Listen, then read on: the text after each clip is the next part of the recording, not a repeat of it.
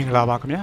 တနင်္သာရီသတင်းအစီအစဉ်ကနေကြိုဆိုလိုက်ပါတယ်ဒီအစီအစဉ်ကိုဒဝဲ watch ဝိုင်းတော်သားတွေကစီစဉ်တင်ဆက်ထားတာပါဒီနေ့ဒီဇင်ဘာလ2ရက်နေ့မှာဖြစ်ပေါ်ခဲ့တဲ့သတင်းအကြောင်းအရာတွေထဲပထမဆုံးတင်ဆက်ပေးခြင်းဒါကတော့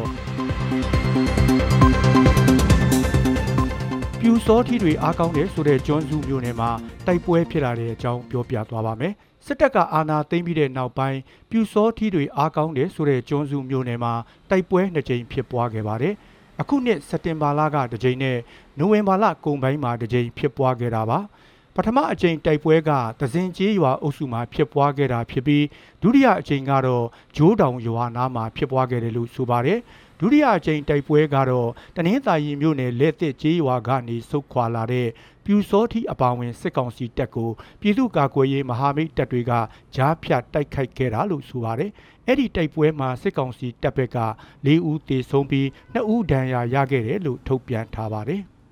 ညောင်ခါရှည်စစ်စရေးဂိတ်မှာကားတွေတန်းစီစောက်ရတဲ့အချိန်ကြာလွန်းတယ်ဆိုပြီးနောင်မယ်ကြီးနေချိန်မှာမော်လမြိုင်ရန်ကုန်လေရင်ခီးစဉ်ကိုပြန်လည်ပြီးပြေးဆွဲတော့မှာပါ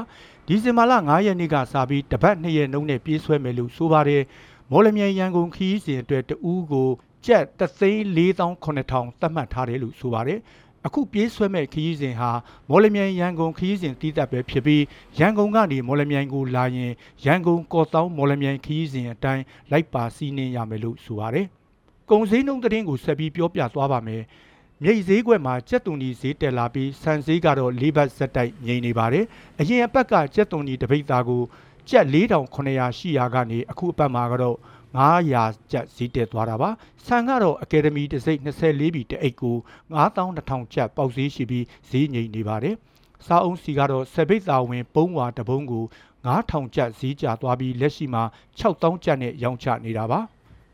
နောက်ဆုံးတစ်ပုတ်အနေနဲ့ထိုင်းဘတ်နဲ့ရွှေဈေးနှုန်းအကြောင်းပြောပြသွားပါမယ်ဒီနေ့မှာတော့ရွှေဈေးဟာကြက်ထောင်ကနန်းတက်လာပါတယ်တပတ်လုံးနီးပါးဈေးငိမ်နေတဲ့အခောက်ရွှေဟာဒီနေ့မှာတော့တစ်ကြက်သားကိုကျပ်9000တက်လာပြီး26သိန်း9500နဲ့ရောင်းချနေတာပါဗတ်ဈေးကတော့အနှဲငယ်ကြရိပ်ပြလာပြီးထိုင်းငွေတစ်ပတ်ကို80ကျပ်စွန်းစွန်းပေါက်ဈေးရှိနေတာပါ